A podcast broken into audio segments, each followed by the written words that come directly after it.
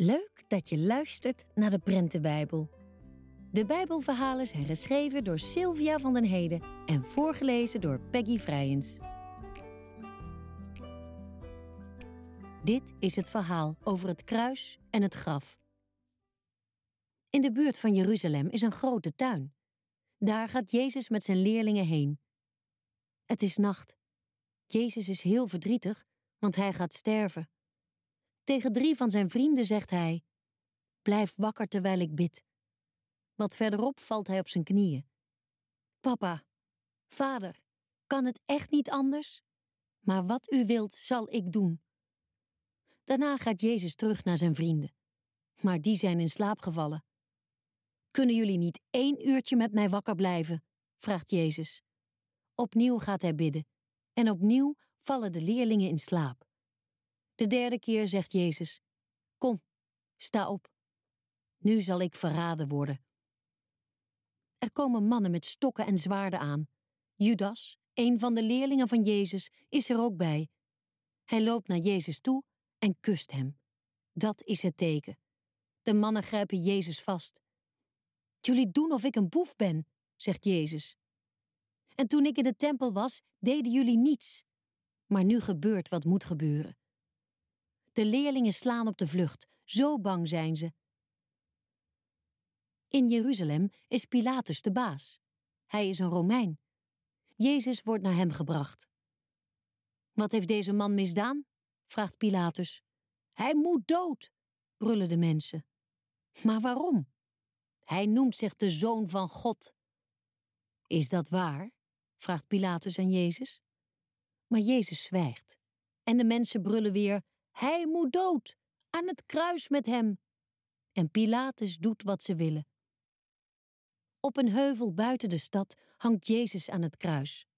Zijn moeder Maria is erbij met nog enkele vrouwen. Sommige mensen lachen Jezus uit.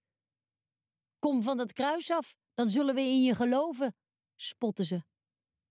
Het wordt heel donker op de heuvel en Jezus sterft. De soldaat die bij het kruis de wacht houdt zegt: dit was echt de zoon van God.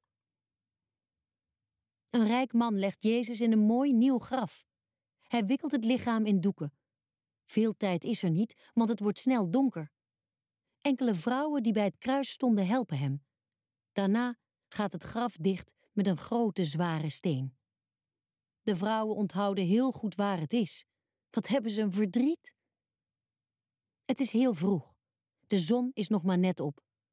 De vrouwen die van Jezus hielden haasten zich naar het graf. Ze hebben zalf en olie bij zich. Daarmee willen ze het lichaam van Jezus verzorgen. Wie zal de steen wegrollen? Zelf zijn ze niet sterk genoeg. Maar als ze bij het graf komen, geloven ze hun ogen niet. De steen is al weg, het graf is open en het graf is leeg. Want Jezus is verdwenen. Geschrokken kijken de vrouwen rond. Wat is er toch gebeurd? Wie heeft het lichaam weggehaald? Plotseling verschijnen er twee mannen in schitterend witte kleren. Ze zeggen: Zoek niet in een graf naar iemand die leeft. Jezus is niet meer dood. Hij heeft het toch zelf gezegd? Op de derde dag zou hij opstaan uit het graf. Wat een goed nieuws! Gauw gaan de vrouwen naar de vrienden van Jezus.